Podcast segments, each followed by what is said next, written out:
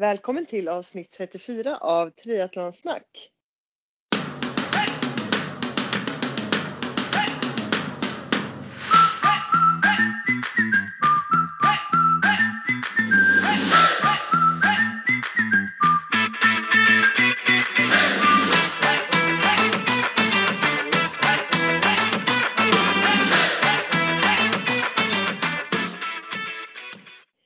Det här är Therese. Och med mig Sofia Häger. Jag ville alltid säga mitt efternamn, men, men det gjorde inte du. Nej, Therese Granelli. Ja, Sofia Häger. Och, eh, det blir alltid någon krusidull i början här. Det, det, ja, det får bli våran grej nästan. Ja, precis. Men jag tänkte annars hoppa, hoppa direkt in på och nämna vårt, eh, eller prata lite om vårt träningsläger som vi hade för, förra helgen blir nu då.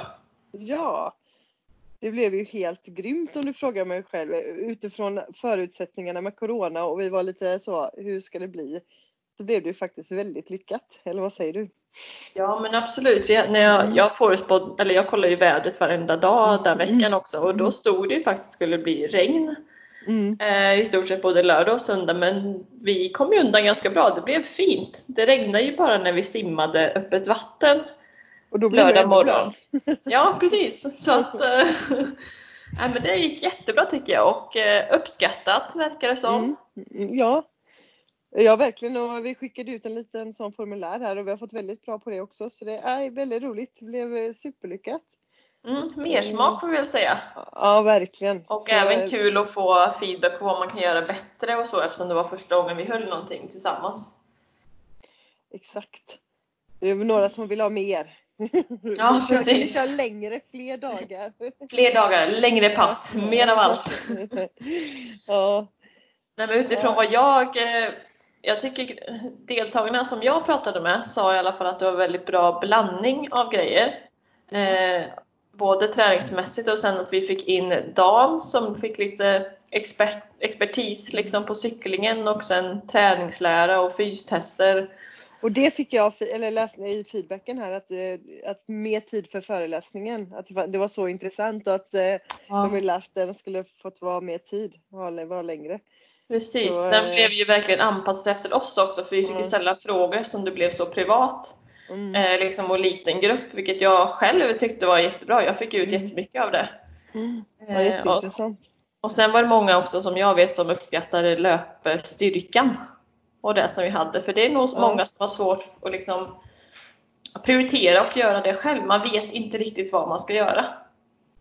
Ehm, Nej, ja, men exakt. kul. Ja, ja. ja, riktigt roligt. Riktigt kul. Men Sofia då, vad har du gjort sedan träningslägret? Vi sågs ju ändå för två Ja. veckor sedan här. Ja, bara det var kul tycker jag. Köpt hus har jag sett. Ja precis, lite sån här side note. Ja. Jo, vi har ju köpt hus då som sagt så det blir ju jättespännande och läskigt. Eh, Vuxenpoäng deluxe känner jag. ja, verkligen. Men det var inte så länge sedan ni flyttade va? Så ni är inne i det här? Nej, så vi har ju bara bott i den här lägenheten i drygt ett år. Eh, Vi flyttade väl in i april 2019. Eh, Men vi kände väl ganska snabbt att vi vill ha lite mer ja, hus, frihet, trädgård. Mm. Eh, lite så. Vi trivs ju annars jättebra i den här lägenheten. Men den har ju inte riktigt en trädgård att komma med. Så Nu, ni bara större utrymme för alla cyklar och prylar kanske? ja, det med! Ett garage och så skadar ju Ja, liksom inte. Exakt. Men så det blir jättespännande. Nu eh, ska vi bara få vår lägenhet såld och det är alltid ett litet orosmoment, speciellt i dessa tider kanske. Eh, och sen så har vi inflytt sagt första oktober. Så Ja, sen men blir det är en bra. Då har ni ändå lite tid, tid på er att sälja. Ja, precis. Mm. Eh, Så jättekul faktiskt. Och nu den här helgen här så har vi, för vi ska ha visning för lägenheten redan nu i veckan. Så nu har vi liksom storstädat, eh, plockat i ordning och flyttat runt lite i lägenheten så att det ser lite mer cleant ut. Ja. Så. Så hoppas vi att någon kommer på visningen så vi inte gjort allt i onödan. Gjort fint i onödan. precis. Men jag tänker att ni köper och säljer i samma tid så det blir förhoppningsvis bra. Att man Ja. ändå, ja. Det brukar bli plus minus noll. Hade ni, hade ni köpt det i bättre tider så hade det varit dyrare istället att köpa antagligen.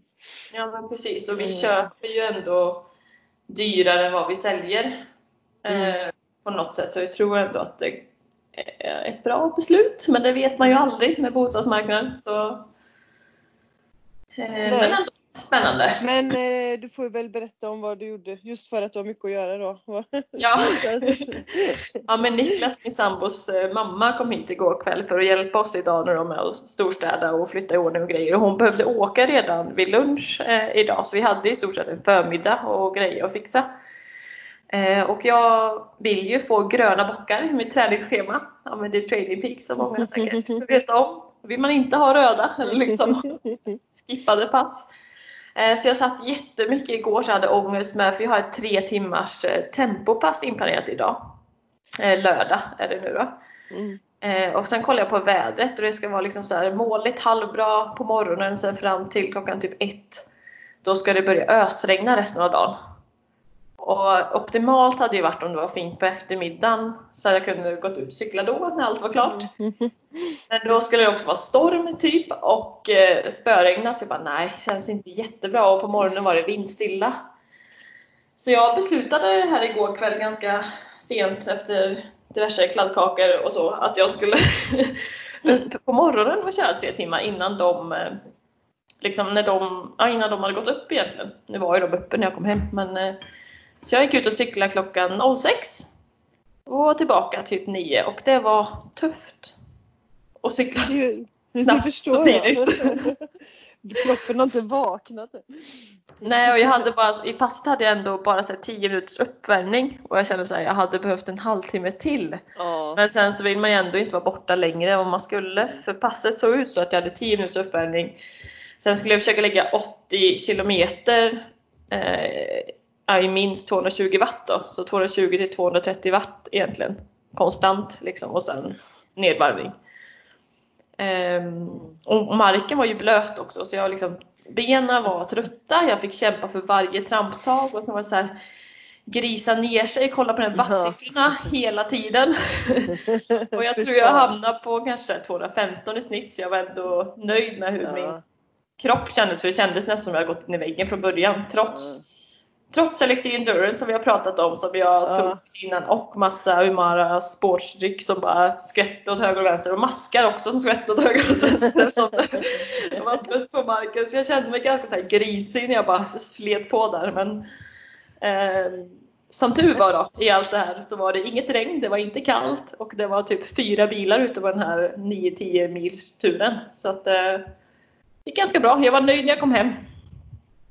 Gött. Eller, Riktigt eller jag var jobbat. nöjd. Jag var nöjd efter ett tag när jag kom hem. För jag kom hem och då var Niklas och Lena här i full gång. Och jag var så liksom, glad att vara hemma och trött. Och så bara vänta på det här. Liksom, ja, men hur gick det? Eller bra jobbat. För nu hade jag liksom verkligen så här, kämpat igenom. Och det första, då frågade jag typ så här. knappt hej. Utan mer så här, var ska den här ligga? Var ska den här vara? Jag bara, ja, Ja. bra kämpat hade varit snällt. Jag hade typ klappat till dem bara. Fan. Ja. Vet ni vad jag har gjort? Jag har varit ute svintidigt, slitit. Det är då de svarar bara, men det är ju självvalt. Ja, som precis. Det var typ det jag sa, men du har ju valt det själv. Ja. Men men. Ja, Så, bra ja, jobbat. Ja, tack Therese. Ja. Men, men så nu är jag nöjd ändå att jag valde att köra tidigt på morgonen. För det har spöregnat. Ja, och det är ju alltid, alltid väldigt skönt att ha det gjort. Alltså Ja. jag föredrar förmiddags eller morgonträning alltid. Det är alltid sådär att ha det framför sig och bara så här, skjuta det längre. Nej, det är inte bra. Nej. Det är aldrig bra. Men men, så det är ett grisigt pass och köpt hus är det jag kan berätta om känner jag nu. Ja, men härligt. Vad har du haft för dig? Ja, ja, för vi har varit mycket på landet, både förra långhelg förra helgen och nu denna helgen. Eh, åkte upp redan i torsdags och så ska vi stanna till på tisdag och så det gjorde vi förra veckan också. Eh, Viktor kan ju jobba ju distans så det funkar för honom och jag är ju som sagt mammaledig så det är jättehärligt och det var förra helgen var ju sånt väder. Jag Ja. åkte ett eh, två timmars rullskidspass på fredagen och brände min rygg så jag flår nu. Nej, jag lär mig aldrig. Men Jag gör, Nej. samma, jag gör fan samma fel varje vår, eller varje första sån här riktig Går ut och åker och tänker inte på det och så när man svettas och håller på, ryggen blir väldigt utsatt också när man både eller cyklar eller eh, skidar för att det blir liksom högsta punkten. Ja, så äh, ja, nej nu eh, kliar det mest på ryggen. Jag går och kliar mig hela tiden. Det är så jobbigt med ryggen också när man inte Ja. kan ligga på ryggen liksom. Eller... Nej. Det är så jäkla klumpigt. Men men, nu har jag fått br- brun i alla fall. Ja, det är ja, det är fördelen. Eh, nej, men eh, verkligen härligt. Och denna helgen skulle det vara ganska tråkigt väder, men vi har haft superfint idag, så det är också skönt. Eh, och eh, idag måste jag, vi började i morse med eh, att gräva i en 85 meter lång ränna för att dra eh, eh, ja, vi ska ha vatten och ström upp till våra två utedass vi har här. Så jag kan säga att det var morgonens eh, 85 meter. meter. Ja, så Oj, det var, det var ett träningspass. ja det förstår jag. Eh, och sen eh, var vi ute och orientera. I varje stad, jag vet inte om jag, det vet säkert många om, men det finns något som heter Hitta ut. Så det finns hur mycket orienteringskontroller utsatta som helst. Och då ska man så, hitta ut från stan? Eller vad? Eh, nej men det heter bara hittaut.se. Ja. Det är liksom en, eh, ja, och så är det eh, utsatta eh, kontroller och så är det gratis att hämta kartor på olika, eh, ja, olika ställen. Typ, det är olika eh, affärer så här som spons, sponsrade i städerna. Så de olika ställena har det att hämta ut eller på typ turistbyrån och så kan man eh, orientera helt enkelt. Så idag tog ni det eh, som ett löppass liksom och orienterade? Mm. eller jag hade Malte på ryggen så att det blev så här lunka typ. För Ja. det blir så studsigt att verkligen springa när man har den.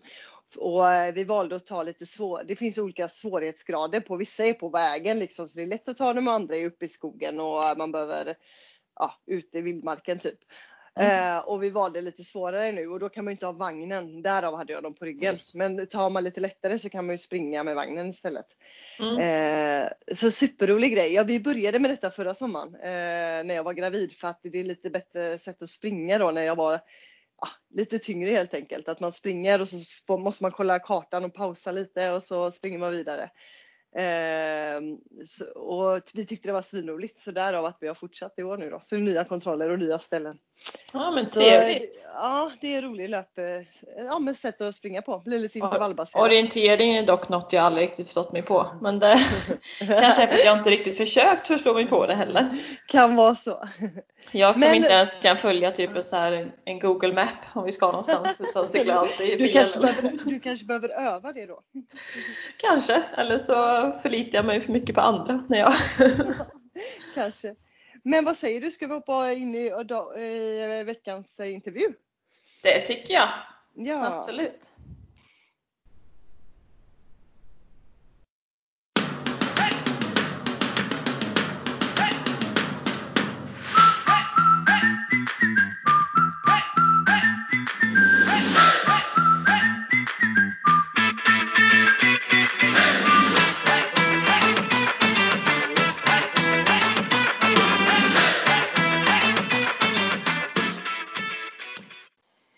Idag får vi äran att presentera Johanna Svicka som driver, eh, nej, som efter x antal år inom hotell och flygbranschen, telekom samt försäkrings och bilbranschen numera driver eget som eh, kreativ konsult och hon tävlar inom bland annat löpning och triathlon. Eh, förutom det är hon licensierad träningsinstruktör och personlig tränare.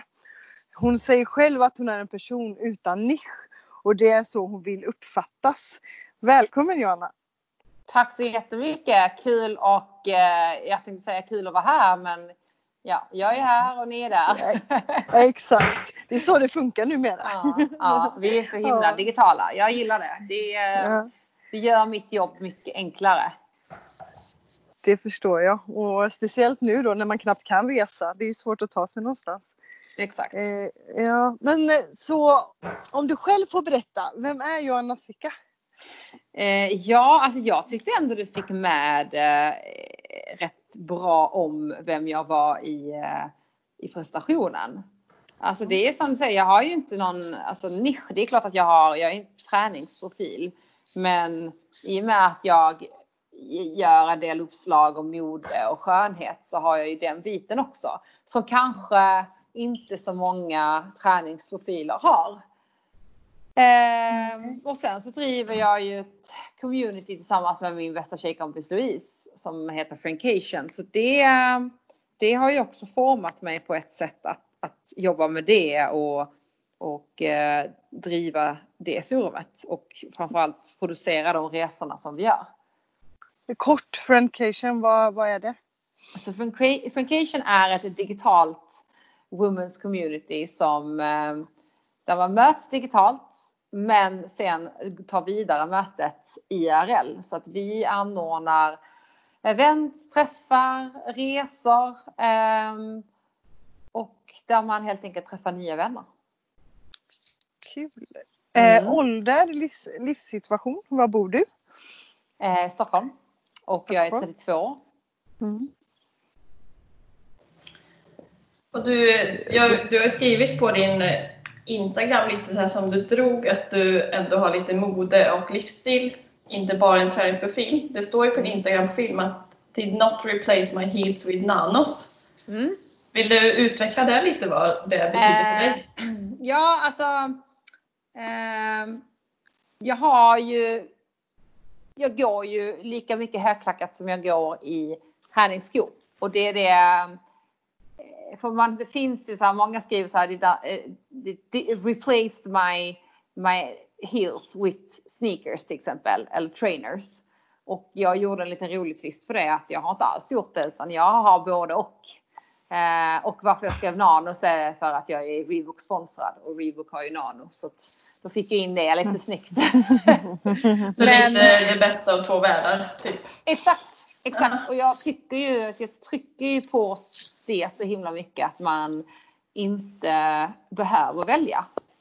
Det är så himla mycket svart eller vitt i den världen vi befinner oss i och i träningsbranschen men också i, i digitala medier att, att, eh, att man, det måste vara antingen eller eller är man på det sättet så kan man inte vara på ett annat sätt. Så att jag försöker hela tiden eh, alltså pressa ut de gränserna, alltså tänja på de gränserna helt enkelt.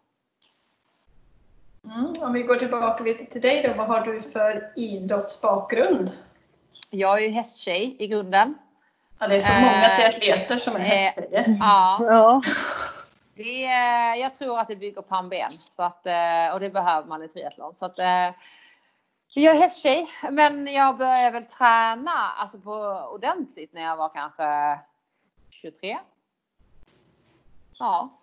Så när jag lämnade hästvärlden när jag var 18, då tränade inte jag på ja, fem år. Jag ägde inte ens ett par träningsskor. Och sen så började jag träna när jag var 23. Och sen så har det liksom bara ökat på sen dess. Var det triathlon direkt eller? Ja precis, hur kom du in på triathlon sen?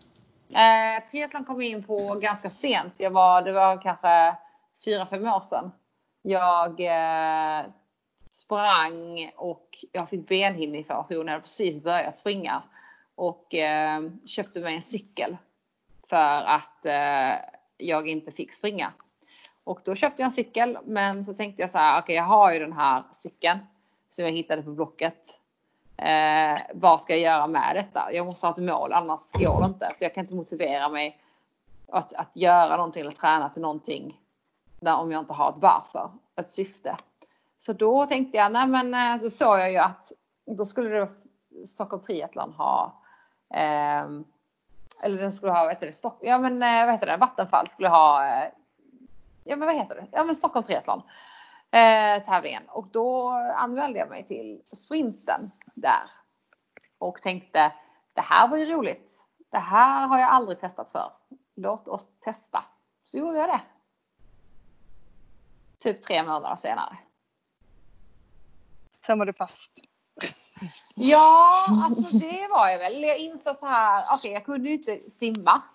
Eh, jag typ så här hundsimmade mig igenom det. Men jag hade ändå så här, cyklingen gick ändå bra. Och löpningen var ju så här, det, det funkade. Så då var jag ändå så här, men gud om jag tränar lite mer på det här och inte dyker upp så här bakis som jag gjorde. Då kanske jag, kanske jag ändå har en, en hyfsad chans. Och då gjorde jag det. Då anmälde jag mig till en olympisk nästa gång.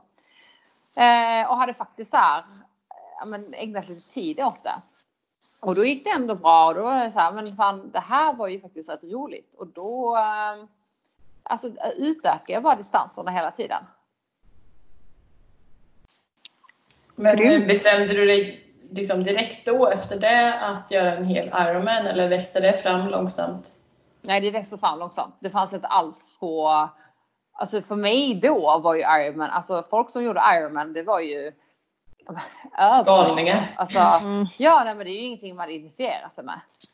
Det är ju inte som nu när var och varannan svensk gör en Ironman, precis som att det vore att springa Tjejmilen. Det har ju blivit nästan så nu att nu anmäler sig folk hej vilt till Ironman. Det, så var det ju inte då. Och för mig var jag så här, jag bara, nej, jag kommer aldrig, aldrig göra det. Jag hade ju aldrig ens alltså, sprungit. Jo, jag hade sprungit typ en eller två halvmaror, men jag hade ju aldrig liksom, jag hade aldrig sprungit ett maraton, ingenting. Men det blir ju så, så ju mer, alltså ju mer man tränar och ju mer man utsätter saker och ting, desto mer höjer man sin tröskel och desto mer självförtroende får man. Och därför blir det att man hela tiden töjer och på sina liksom egna gränser och att man eh, tar ett steg framåt. Eh, känner du som influencer med eh, sponsorer och samarbetspartner en press att delta och pres- prestera på tävlingar och lopp? Mm, nej, alltså jag gjorde innan. Eh, men det var bara mer så här att jag kände mig lite stressad i att jag var tvungen att bevisa mig själv att jag var faktiskt var värd de sponsorerna jag har. Men sen nu är, nej. Det är, för att jag vet att jag, jag har mina sponsorer och det är inte på grund av mina resultat utan det är på grund av all, allting jag gör runt omkring. Eh, så nej, jag är inte alls, alls stressad över det. Jag kan, jag kan känna att det kan nog vara en ganska svår situation, eller? För du får ju, du får ju dina spons- sponsorer mycket för att du är en influencer istället för att du är proffs på idrotten. Mm. Kan det bli liksom onda ögat från de som är proffs när du får bättre liksom, Ja. samarbeten? Det är väl klart det. Ja. Och det har jag ju fått, det har jag ju fått, alltså jag har ju fått erfara det och höra det dels sagt till mig rakt upp men också så här när folk har hört av sig till mig och, och berättat att de har hört det här och det här i omklädningsrummet på, i simhallen om mig. Ehm, så det, det vet jag om. Men det handlar ju också om så här att ja, men jag alltså ägna lite tid åt ett egna content eller ett egna varumärke så eh, ska ni se att ni också kan hava in sponsorer eller liksom skapa ett kontaktnät eller liksom få det att gå runt på det sättet. Men folk förstår inte det för de tror ju att det, så här, men det räcker att jag lägger upp en halvkass dålig eh, bild på när jag sitter och harvar på min trainer nere i garaget. Man bara, för det första, man ser ju inte ens vad du sitter på för cykel. Så att ett, där, redan där har du misslyckats. Två, alltså det är inte... Det handlar inte bara om att knäppa en bild och det är det många inte förstår att det ligger liksom så mycket annat bakom det. Hur mycket tid man lägger, hur mycket... Alltså vilken contentplan man har och vilken strategi man har. Och, eh, så att... Eh, ja, nej men det, det ger absolut under ögat. Mm, det kan absolut vara så att man som influencer har liksom mer tankar bakom det man lägger ut än en proffstriatlet till exempel som Mm. bara glider på att de har bra resultat och därmed får eh, synlighet. Liksom. Ja, men sen så ska man ju inte säga det ena tar ju inte ut det andra. Det är klart att de ska ha all, all support. De, är man en duktig triatlet till exempel så ska man, så ska man ha all support man, man, man förtjänar det. Liksom. Det, eh, det gör man. Men tyvärr, alltså när det väl kommer till kritan så handlar ju företagen, varför företagen vill sponsra en eller synas. Det handlar ju om att de, de vill ju som sagt synas.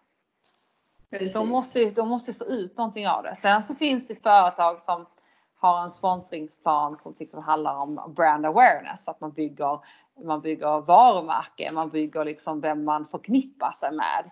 Eh, och det har en helt annan alltså, konvertering. Så att eh, ja, det är Vill du eh, berätta lite om ditt steg från fastanställd till egen anställning? Och lite i samband med det då om din träning och din triathlonsatsning som förändrades under den resan? Uh, ja, alltså jag har ju. Ja, men jag har ju hållit på med mina sociala medier vid sidan om. Uh, hela tiden när jag har varit fast anställd. Uh, men sen så i takt med att jag, ja men det växte och det tog mer och mer tid. Då märkte jag så att jag, alltså, jag jobbade 100% på SOS och sen så jobbade jag 100% med mitt egna företag och sen så la jag 100% på min träning. Så att eh, det var en eh, period där som var väldigt intensiv. Eh, och jag insåg väl efter min eh, cykelolycka att jag, det, jag kan inte fortsätta så här och vad som egentligen betyder någonting. Så att jag bad om tjänstledigt. Och sen när jag hade varit tjänstledig i, i tre månader så uh, insåg jag att ja, men, alltså, jag var, alltså, när jag tänkte så här, ja, men nu har jag tre, om tre månader så ska jag vara tillbaka på jobbet. Och det handlar inte om att jag vantrivdes på, på SOS. Alltså jag hade det väldigt, väldigt bra och jag hade en sjukt bra chef som jag hörs med väldigt ofta nu också. Och jag hade ju i princip, jag kunde göra ja, men nästan till hur jag alltså lägga upp mina dagar hur jag ville. Så det handlar inte om att jag inte ville åka tillbaka, alltså börja jobba igen där, utan det handlar mer om att jag kände bara så här, gud, jag måste, jag måste testa. Det är nästan som att man så känner att man gud om jag går miste, jag går miste om någonting men jag kan inte sätta fingret på vad. Och jag måste bara testa. Så då eh, sa jag upp mig efter tre månader som tjänstledig och tänkte att det får bära eller brista. Men jag har, jag har en buffert. Jag har haft företaget ett år. Jag klarar mig om jag inte skulle få in ett endaste jobb.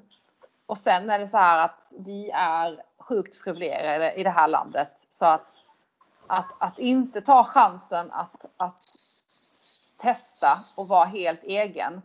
Eh, när man har egentligen de möjligheterna man har eh, i Sverige. Det, det för mig var bara så här, det var, jag kunde inte tänka mig någonting annat till slut. Så att eh, jag körde och då med det så tänkte jag att då satsar jag ännu mer på min träning helt enkelt. Och sen med lite resultatet i handen så var det väl ett bra val? Jättebra val! Ja. ja. Jag ångrar inte. Alltså jag ångrar ingenting. Det är, det, alltså, det är fantastiskt att vara egen företagare. Det är mer slitigt. Eh, det är eh, Ja, alltså man skulle det är ingen, ingen trygghet på det sättet som man är som är fast. Man jobbar mer. Eh, men det är eh, en fantastisk frihetskänsla. Och du nämnde, du nämnde även din cykelolycka lite i förbifarten där. Ja. Vill du berätta mer om den och den insynen du sa att du fick efter? Ja, men jag hade en... Eh, jag kraschade rätt allvarligt med min tempocykel eh, några veckor innan Ironman Kalmar. Ja, det var en och, ganska rejäl krasch va? Ja, det var det. Det var en, det var en rätt rejäl smäll. Eh, och eh, då um, så var jag, jag vet inte, jag, jag fick väldigt mycket ångest med, i samband med den olyckan och fick väldigt mycket dödsångest. Och den dödsångesten tror jag födde någon annan form av till slut ångest av att jag Alltså så jag ifrågasatte allting väldigt mycket. Och det tror jag, det är inget ovanligt. Det gör, alltså är man, har man varit med om ett trauma, då förändras saker och ting. Många går ju inte tillbaka till hur, hur de en gång levde sitt liv eller tänker. Alltså det är någonting som förändras. Och för mig förändrades det att jag blev ännu mer så här, gud jag måste verkligen testa, jag måste verkligen göra det jag, det jag drömmer om.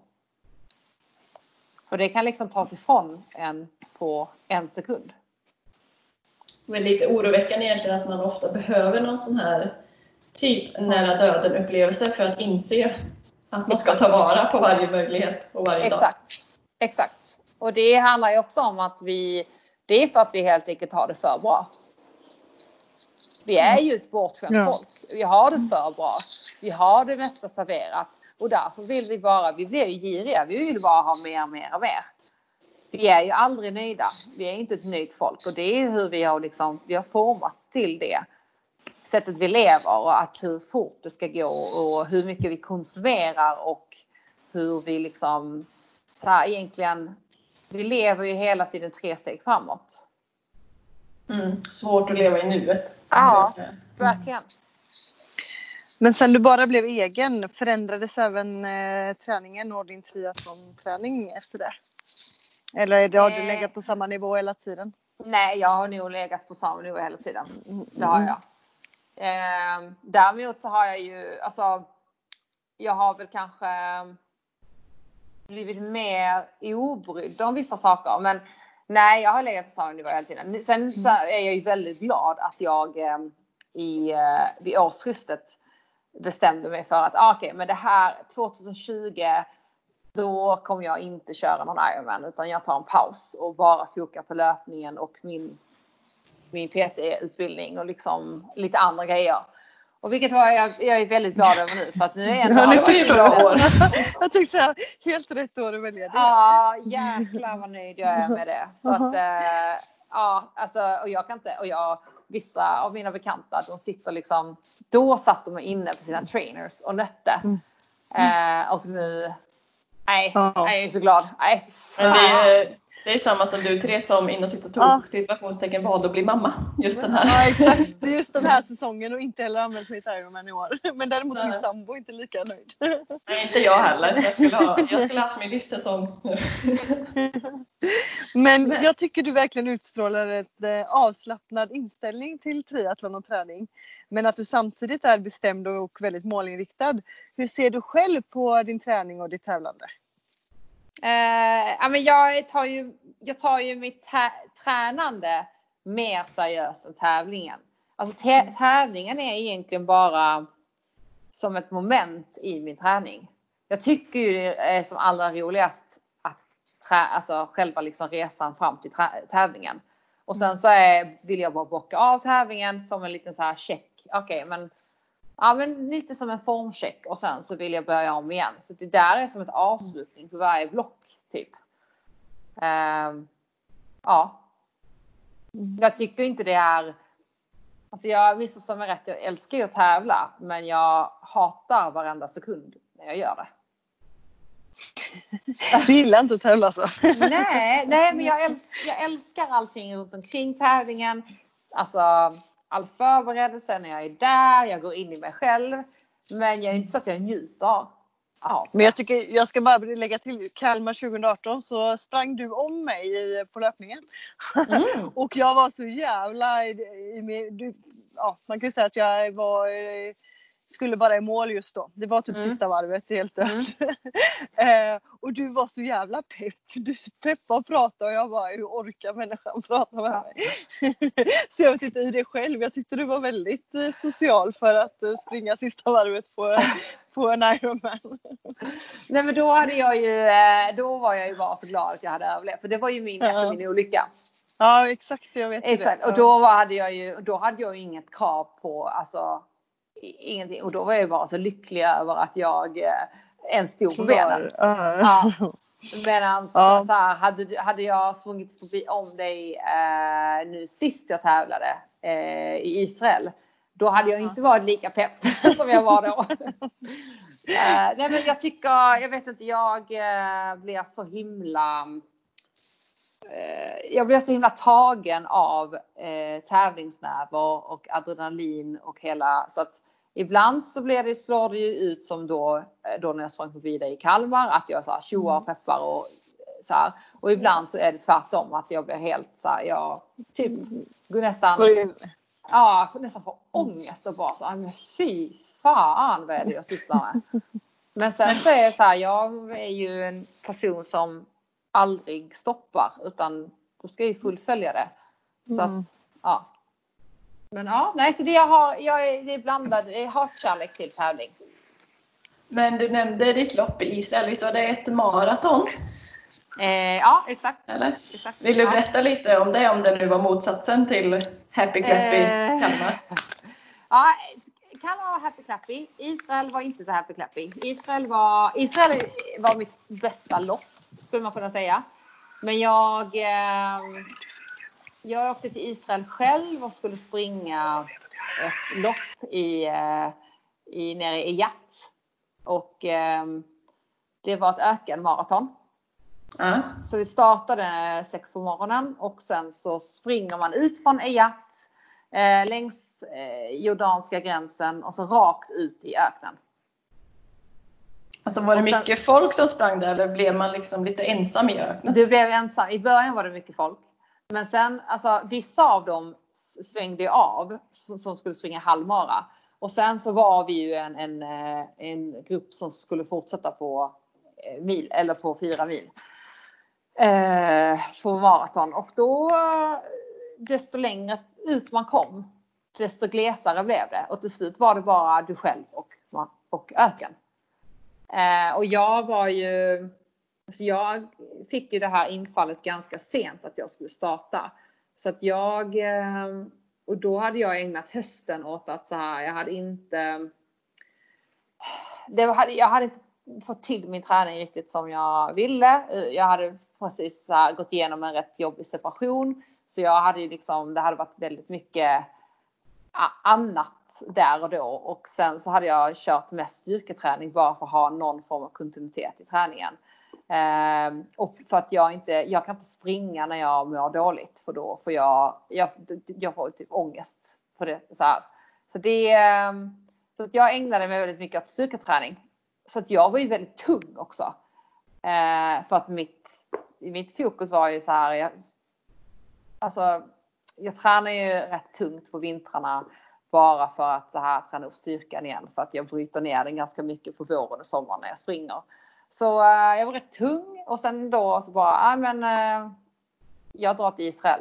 Och i det samma veva hade jag ju bestämt att jag hade jag bokat en, eh, en sista minuten biljett till Thailand för jag skulle till eh, en tjejkompis Lovisa och ett annat gäng som var där nere. Så att vi, de sa, men kom ner till oss. Så jag bokade en biljett och typ fyra dagar senare så drog jag till Thailand. Och då var jag så här, men perfekt, då kan jag göra min sista uppladdning inför det här maratonet. Eh, för jag hade sex veckor på mig att ladda upp för det. Eh, I, eh, i värmen i Thailand. Så jag åkte till Thailand och typ sprang. Jag tror jag sprang typ så här 90 till 100 eh, på en vecka. Och sen så eh, var jag hemma några dagar och sen så drog jag till Israel och tävlade. Så det var en väldigt, det var en väldigt märklig tid i, eh, i mitt liv också. Alltså så här. ehm, ja, Det måste ändå varit mycket som hände på kort stund. Ja, det var det. Det var det.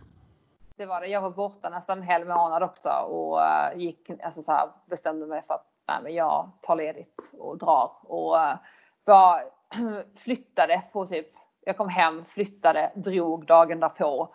Eh, alltså det var väldigt, ja, eh, väldigt intensivt var det. Så att, eh, men sen drog jag och ehm, jag vet inte, det var, eh, det kanske var min bästa uppladdning någonsin för att det gick ju sjukt bra i loppet. Eh, det var ju det var ju skitjobbigt att springa i sand i ett helt maraton i värmen. Gud, det kan jag inte ens tänka mig. Ja. Det, och att så här, du har liksom ingen aning riktigt om hur man reagerar riktigt. Jag, och jag menar, jag har aldrig sprungit en renodlad ett maraton. Jag har ju bara sprungit Ironman maraton. Eller så har jag sprungit så här ehm, um, ultror. Eller så har jag sprungit alltså 45 år eller fjälllopp.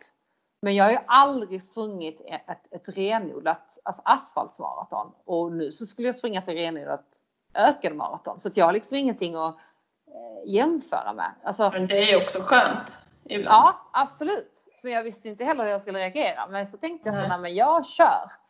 Så att, eh, ja, det gick bra. Så det, det var jäkligt roligt. Men du har inget eh, sug efter att köra liksom en vanlig snabb maraton? Alltså typ Jo. asfalt eller? Ja. Jo, jag skulle gjort det nu, Stockholm. Ah, okej. Jag skulle, så att, men den blev flyttad. Jag har ju Helsingborg maraton som jag ska springa. Ja just det, den är i september? Ja, den är 5 september. Får hoppas att den går av stapeln då. Jag hoppas också det. Så jag ska springa den och så ska jag springa Kia fjällmaraton i aug- augusti. Ja, jag får väl se. Jag har också några så här små tävlingar typ i augusti som jag nu hoppas på men det Nej. känns mörkare och mörkare ju längre tiden Ja. går. Men Ja. ja.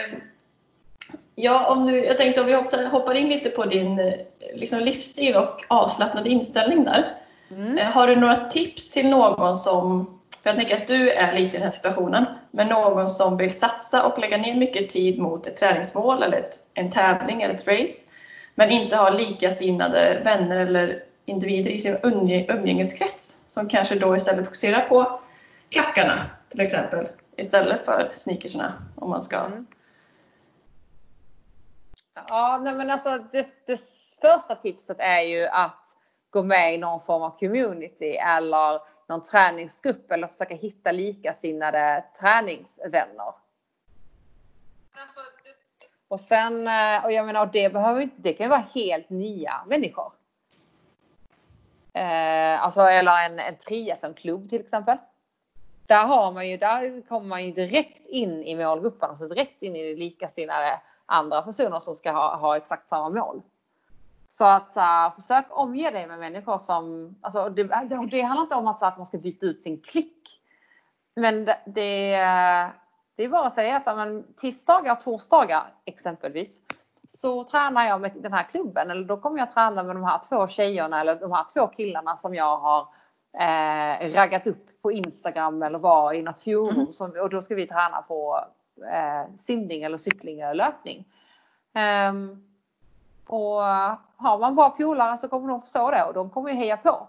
Kom, och de kommer antagligen känna så här, huh, skönt, för jag hade inte lust att simma runt i någon jävla sjö. Så att ehm, då eh, så gör man det. Så, så här, hitta likasinnade som, som vill göra samma sak som dig. Men hur gör du då för att liksom få in båda delarna av livsstilen? Liksom en med mycket träning men också mycket socialt umgänge utanför träningen som det ser ut om man nu följer dig som du har idag. Många av dem som jag eh, tränar med är ju också, gör jag annat med, men också så här. Jag får ju in mycket socialt umgänge i, i min träning. Så att, att sen så är jag ju så, sen, sen kanske jag är extrem i vissa fall för att jag eh, hinner med väldigt mycket på eh, men jag är bra på att strukturera upp min tid och jag ser till att jag eh, håller saker och ting. Att, så här, att har jag bestämt någonting så gör jag det. Jag gör det vid en speciell tid. Alltså har jag bestämt med någon så håller jag liksom, försöker jag hålla fast vid det och inte skjuta upp saker. Och sen bara se till så att så här, men okej, men jag vet till exempel att eh, jag ska eh, äta middag med två tjejkompisar på, eh, på kvällen. Men då, då gör jag ju min träning på morgonen. Så Mm, har så jag det- kvällen fri. Så det är egentligen planering som behövs Ja, liksom allting handlar, allting handlar om planering. Och ingenting går om man inte planerar. Alltså det, jag går inte så här och väntar på om någon säger så här, ah, men ska vi ses? Ja, men vi ses imorgon kväll. Då är jag så här, okej, vilken tid? Nej, men vi kan väl ses. Alltså vi, vi hörs om det. Jag var nej, men alltså förlåt. Och där är jag ju, där är jag ju väldigt, och det vet ju mina vänner om nu, att där kan jag vara väldigt så här nitisk. Bara, nej, men vet du vad? Jag behöver en tid. För att jag behöver förhålla mig till en tid för att så jag kan planera min dag. De bara, men vi ses klockan 19. Jag bara, perfekt, då syns vi klockan 19. Eller om de sa, ah, nej, men vi tänkte ses klockan 6. Okej, ja, men jag tränar till klockan 6 men jag skyndar mig så jag kommer till lite i 19. Perfekt. Men jag, alltså så här, om jag börjar så här, tumma på min träning och börjar så här, nej men jag, jag, ska, jag, jag, jag skiter i min träning och sen så blir det lika, lika fall att Ja, det blev att vi syntes 19.30 till exempel. För att många fall när någon säger en viss tid så blir det en halvtimme senare.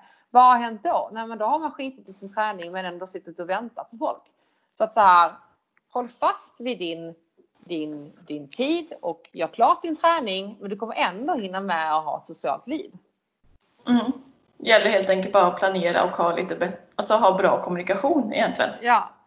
Ja, och det är så många som, eh, som till exempel kör bil till jobbet som skulle lika gärna kunna ta och cykla till jobbet eller ta en transportlöpning en viss del. Mm. Bara där har man ju gjort sin träning. Mm. Smart. Om du skulle säga vad du är mest stolt över i din träning eller i tävlingssammanhang, vad skulle det vara? Ehm. ja, alltså jag, jag, alltså, nej men jag är väl mest stolt över att jag så här, gör saker jag bestämmer mig för.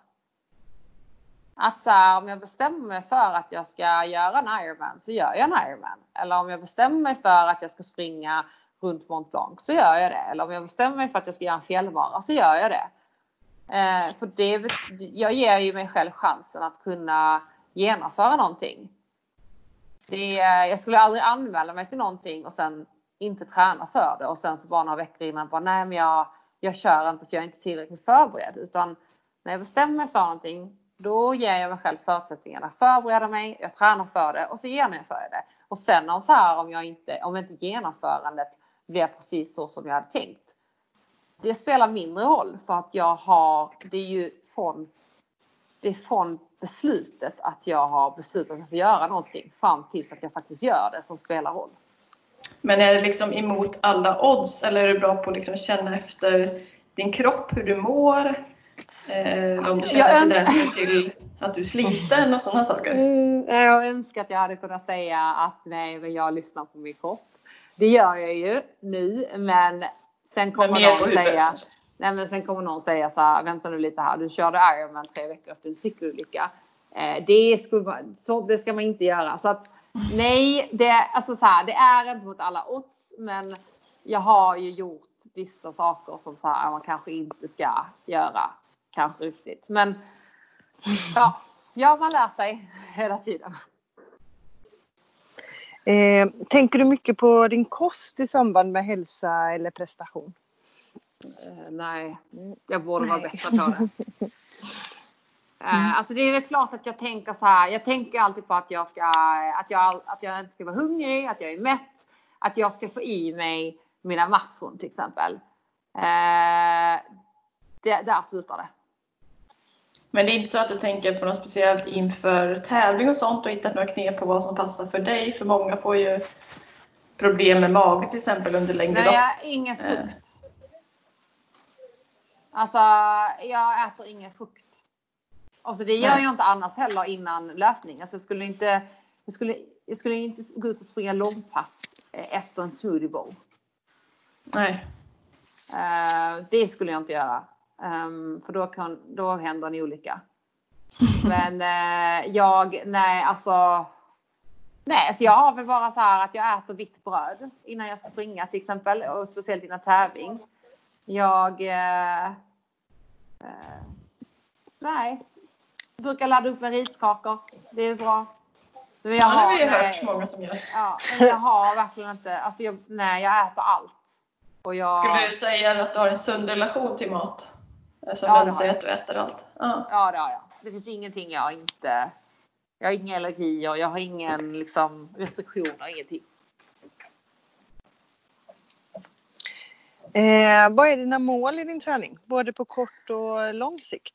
Eh, ja, men nu har jag ju att jag eh, ska försöka göra en, en bra prestation i Helsingborg Marathon.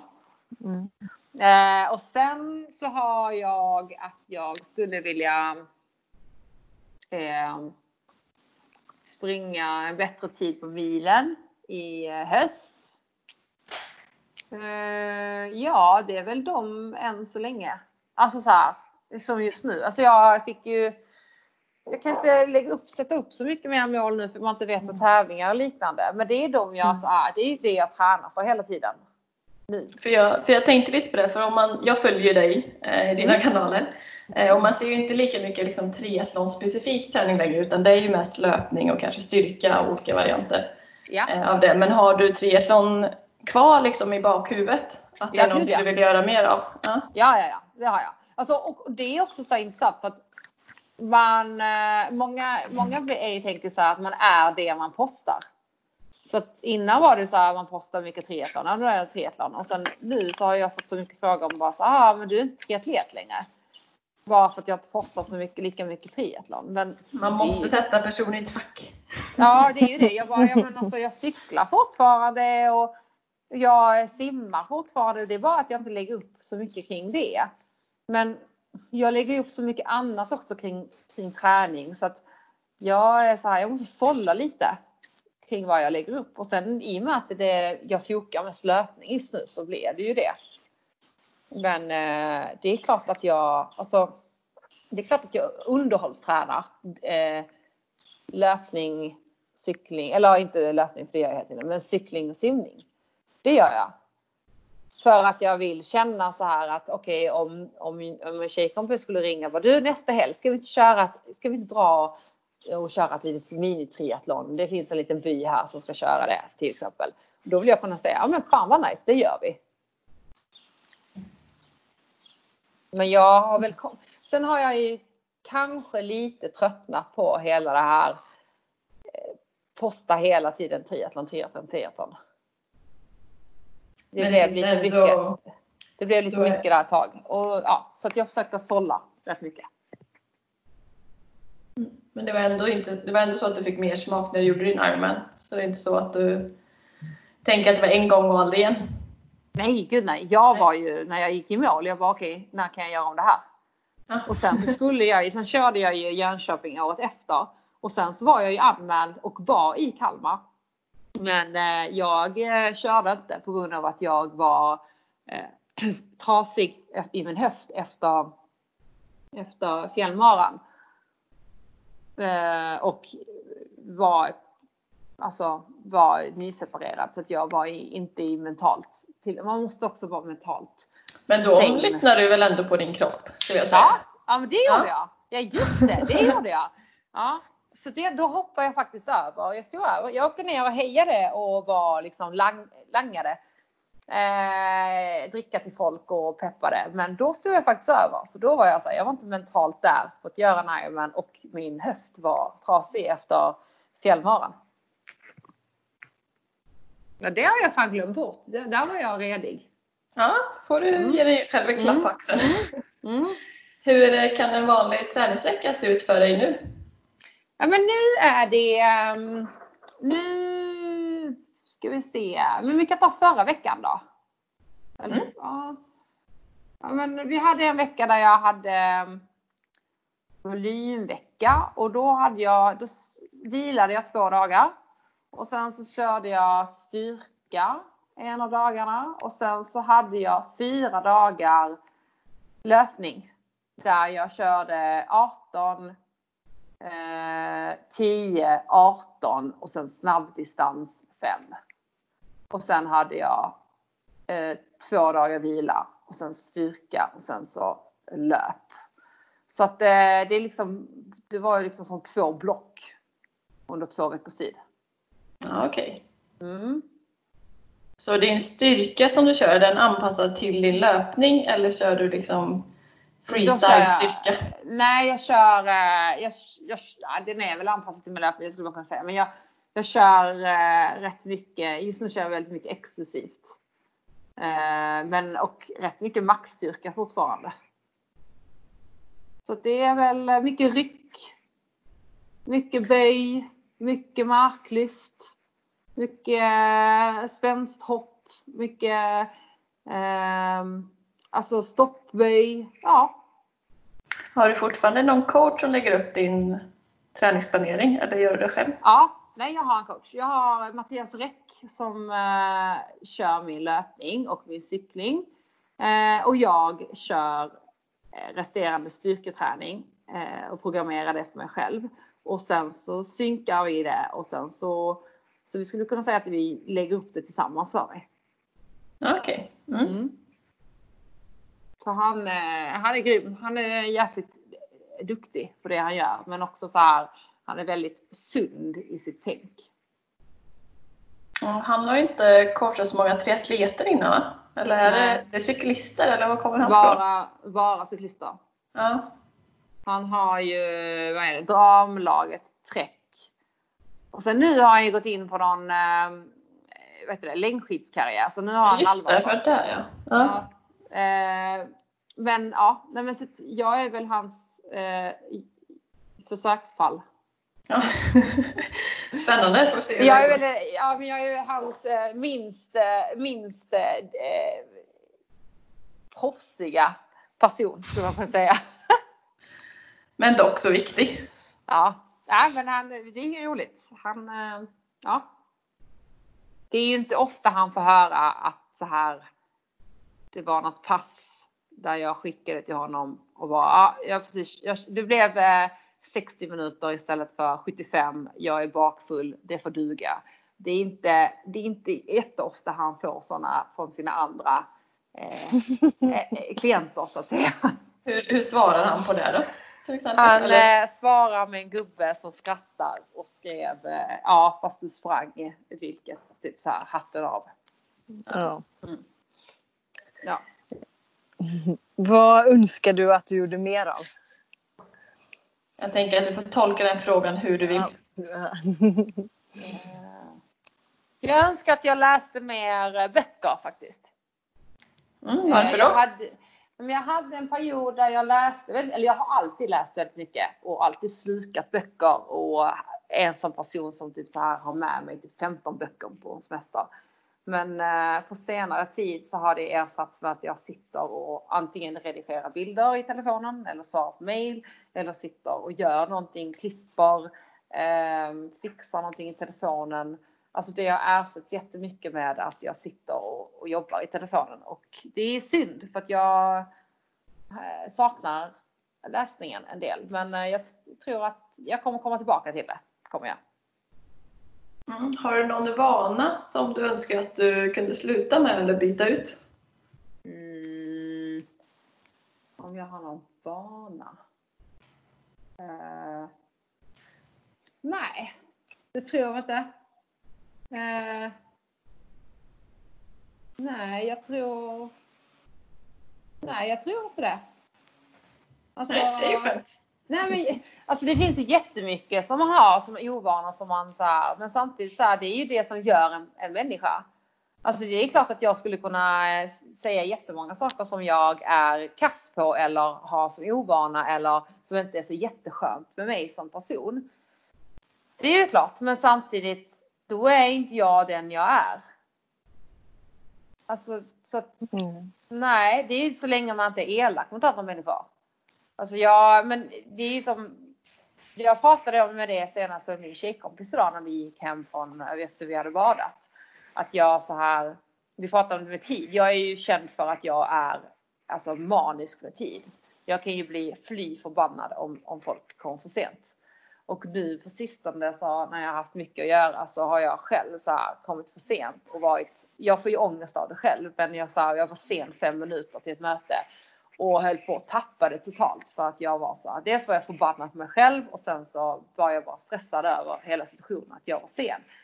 Men jag märker också att det har jag ju blivit bättre på att jag är inte lika nitisk med det. Att jag är så här om någon är några minuter sen så är inte jag eh, För innan kunde jag nästan så här börja eh, bli förbannad när klockan var fem i. För att jag typ så här byggde upp en, en så att jag skulle vara redo att vara lack om någon blev sen.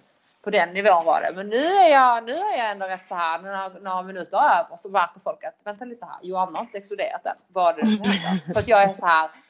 Mm, tar vi tre andetag för att det finns så mycket annat i livet som är hemskt.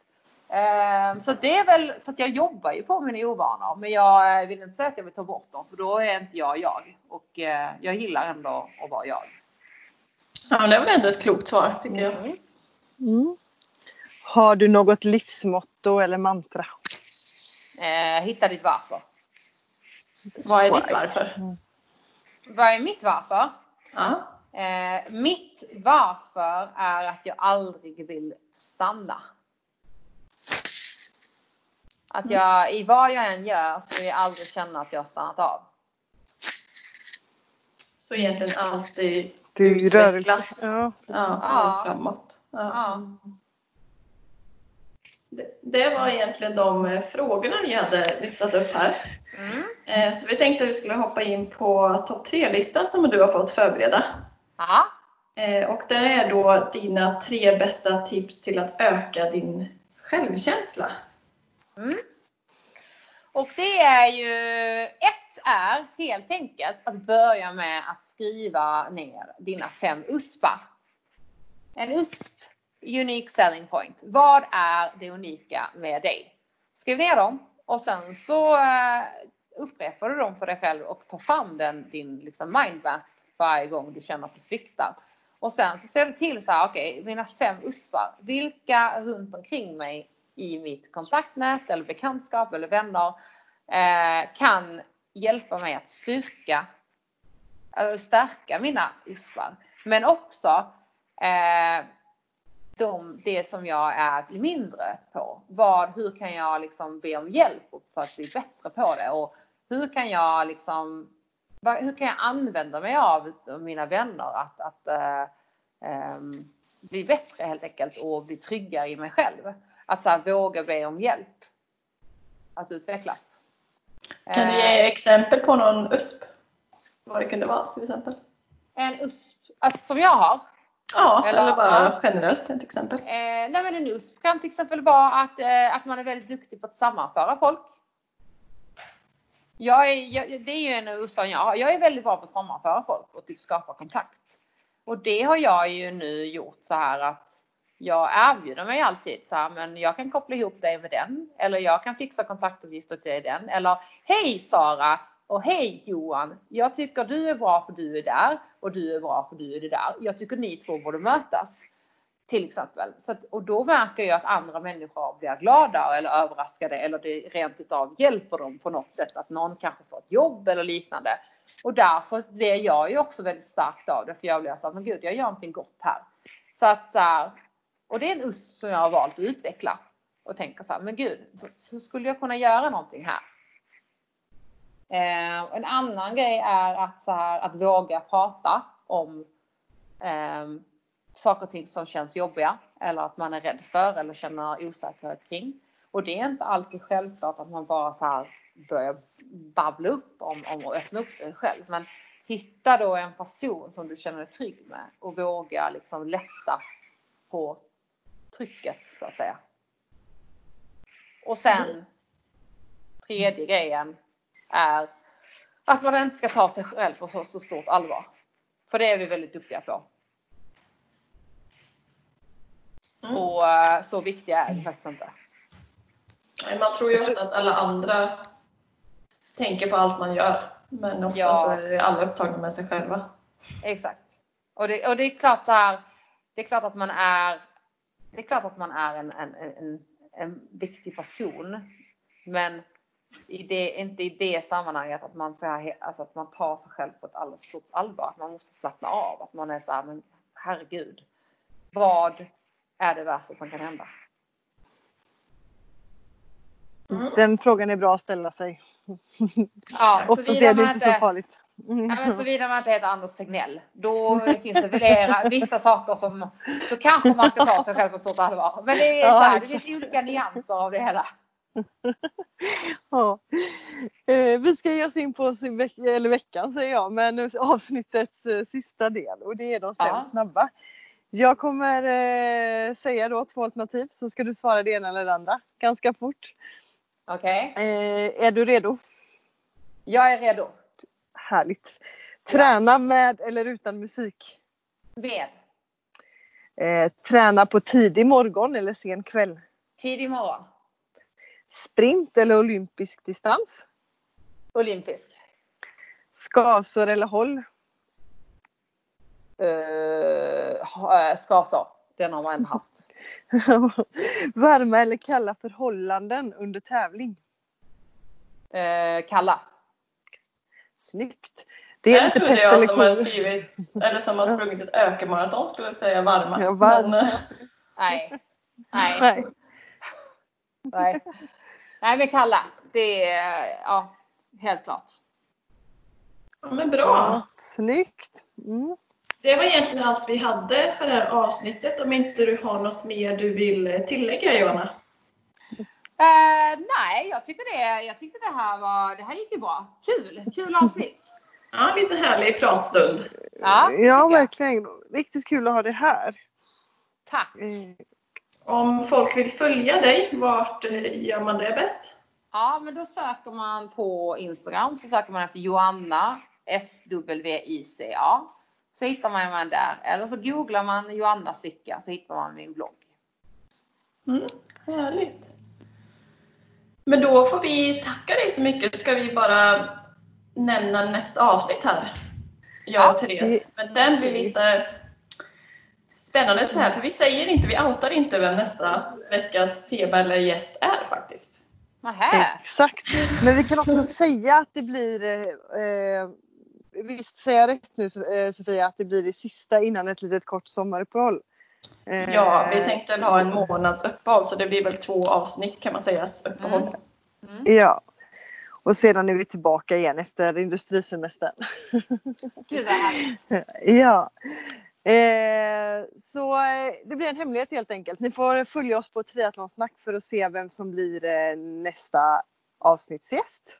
Precis, så in och följ oss och Joanna så säger vi tack och hej allihopa! Ja, Tack så för idag. jättemycket. Hej då! Hej!